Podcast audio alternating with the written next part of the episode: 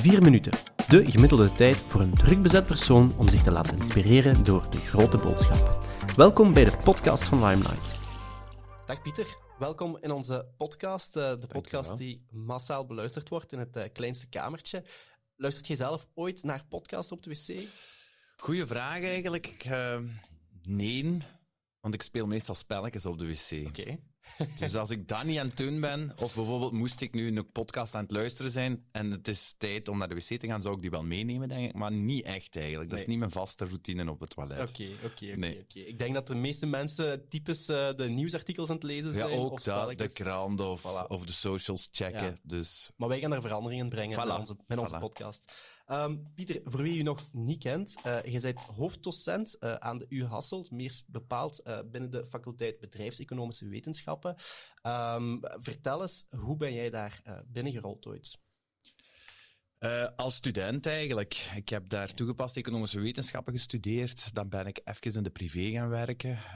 Ze hadden mij al gevraagd om een doctoraat te maken, maar ik dacht, nee, dat ga ik echt niet doen. En dan ben ik toch teruggegaan na anderhalf jaar. En dan heb ik mijn doctoraat gemaakt en blijven plakken. En geluk gehad dat alle dingen op mijn pad eh, juist vielen, want je kunt niet zomaar ineens eh, zo'n profpositie, dat moet vrijkomen, of daar moeten middelen voor zijn. En dat was toevallig, op mijn pad kwam dat allemaal mooi uit. Vooral ook door de oprichting van de ehm, eh, opleiding handelswetenschappen.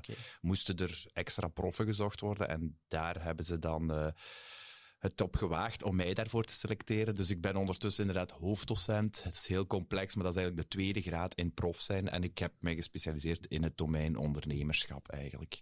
Oké. En wat doet een prof? Is een goede vraag. Ik ben blij dat je die eigenlijk stelt, want iedereen denkt altijd dat ik net twee maanden, drie maanden vakantie heb gehad. Dat is niet het geval. Oké. Laat eerst de utopie uit de weg ruimen. Is niet het geval, was het maar waar. Ik sta in voor het onderwijs rond ondernemerschap, het onderzoek eh, van, rond ondernemerschap dat ik zelf voer of een van mijn zoveel doctoraatstudenten. Eh, en wij doen ook eh, dienstverlening of projecten voor overheid, bedrijven rond ondernemerschap. Ik geef ook heel wat opleidingen rond familiebedrijven, ondernemerschap en zo verder. Dus het is een beetje een allegaartje van van alles, waardoor ik dus ook in de zomer moet werken. Oké, oké. Ja. Maar voor de duidelijkheid, je wordt wel eh, veel omringd door studenten. Ja. Oké, oké. Dagdagelijks. Oké, Als ik op de campus kom, voel ik me terug 18. ja, oké, cool. Ik denk niet dat ik het tempo van een 18-jarige nog aan kan, maar ik voel me wel nog jong door, de, door het studentenleven. Oké, ja. oké. Ja. En vertel eens, hoe, eh, hoe zijn die ehm, studenten vandaag? Ik neem aan, hè, de bakermat van, van jong ondernemerschap. Hoe staan die studenten vandaag eh, in de schoenen?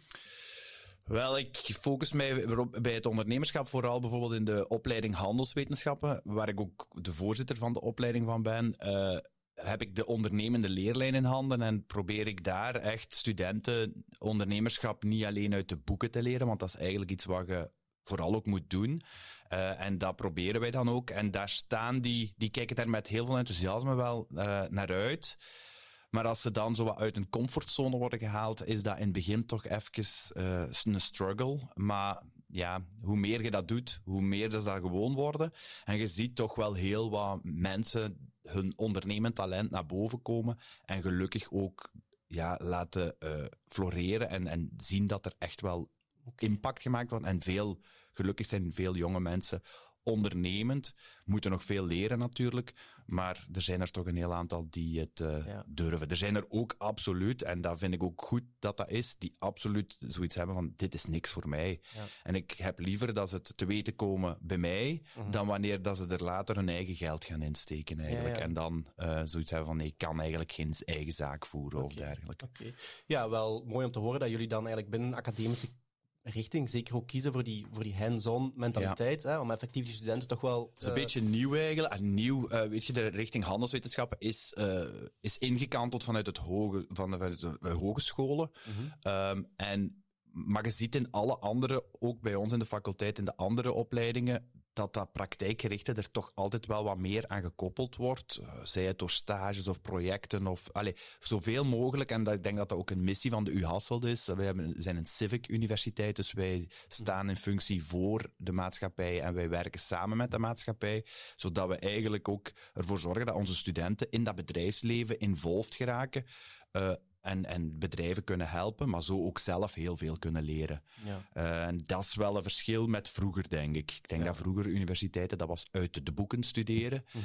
Uh, maar ja, dat alleen is eigenlijk niet voldoende. Dus ik ben wel blij om dat te zien, want ik zou zelf Mhm. mij niet zo heel comfortabel voelen met alleen maar theoretische vakken te Ja. geven, denk ik. Ja, ja, oké. Zeg, en tot wat leidt dat vandaag, eh, Pieter? Die alumni's, waar, waar bevinden die zich? Eh, Ja, het voordeel van een opleiding bij ons, eh, zeker zo like TW en HW, ehm, maar ook eigenlijk de andere, zij, je hebt nog heel veel eh, toekomstmogelijkheden. Het zijn redelijk brede opleidingen. Ze krijgen eigenlijk van alle facetten in het bedrijf wel iets. Ze kunnen specialisaties kiezen, maar je ziet dat die ja, overal terechtkomen. Van de grote multinationals in zo'n management traineeship. Eh, bij de Big Four komen er uiteraard ook heel wat eh, terecht. Maar nu, dankzij de ondernemende focus, zie je ook wel gelukkig dat er een aantal hun eigen zaak opstarten. Of eh, in het start-up scale-up landschap terechtkomen. Wat ik hard stimuleer, want vaak wordt er zo'n perceptie gehad, eh, is er zo'n perceptie van ja. Een start-up kan natuurlijk niet bieden wat de Big Four bijvoorbeeld kan bieden, maar de, de, de, de kansen op meer verantwoordelijkheid zijn wel veel groter daar. eh, en, en de leerschool is soms misschien zelfs eh, ehm, veel sneller. Eh, Dus ik denk wel dat het goed is dat er een gezonde mix is. En ook in alle domeinen. Dus in het finance gedeelte, in het marketing gedeelte, logistiek.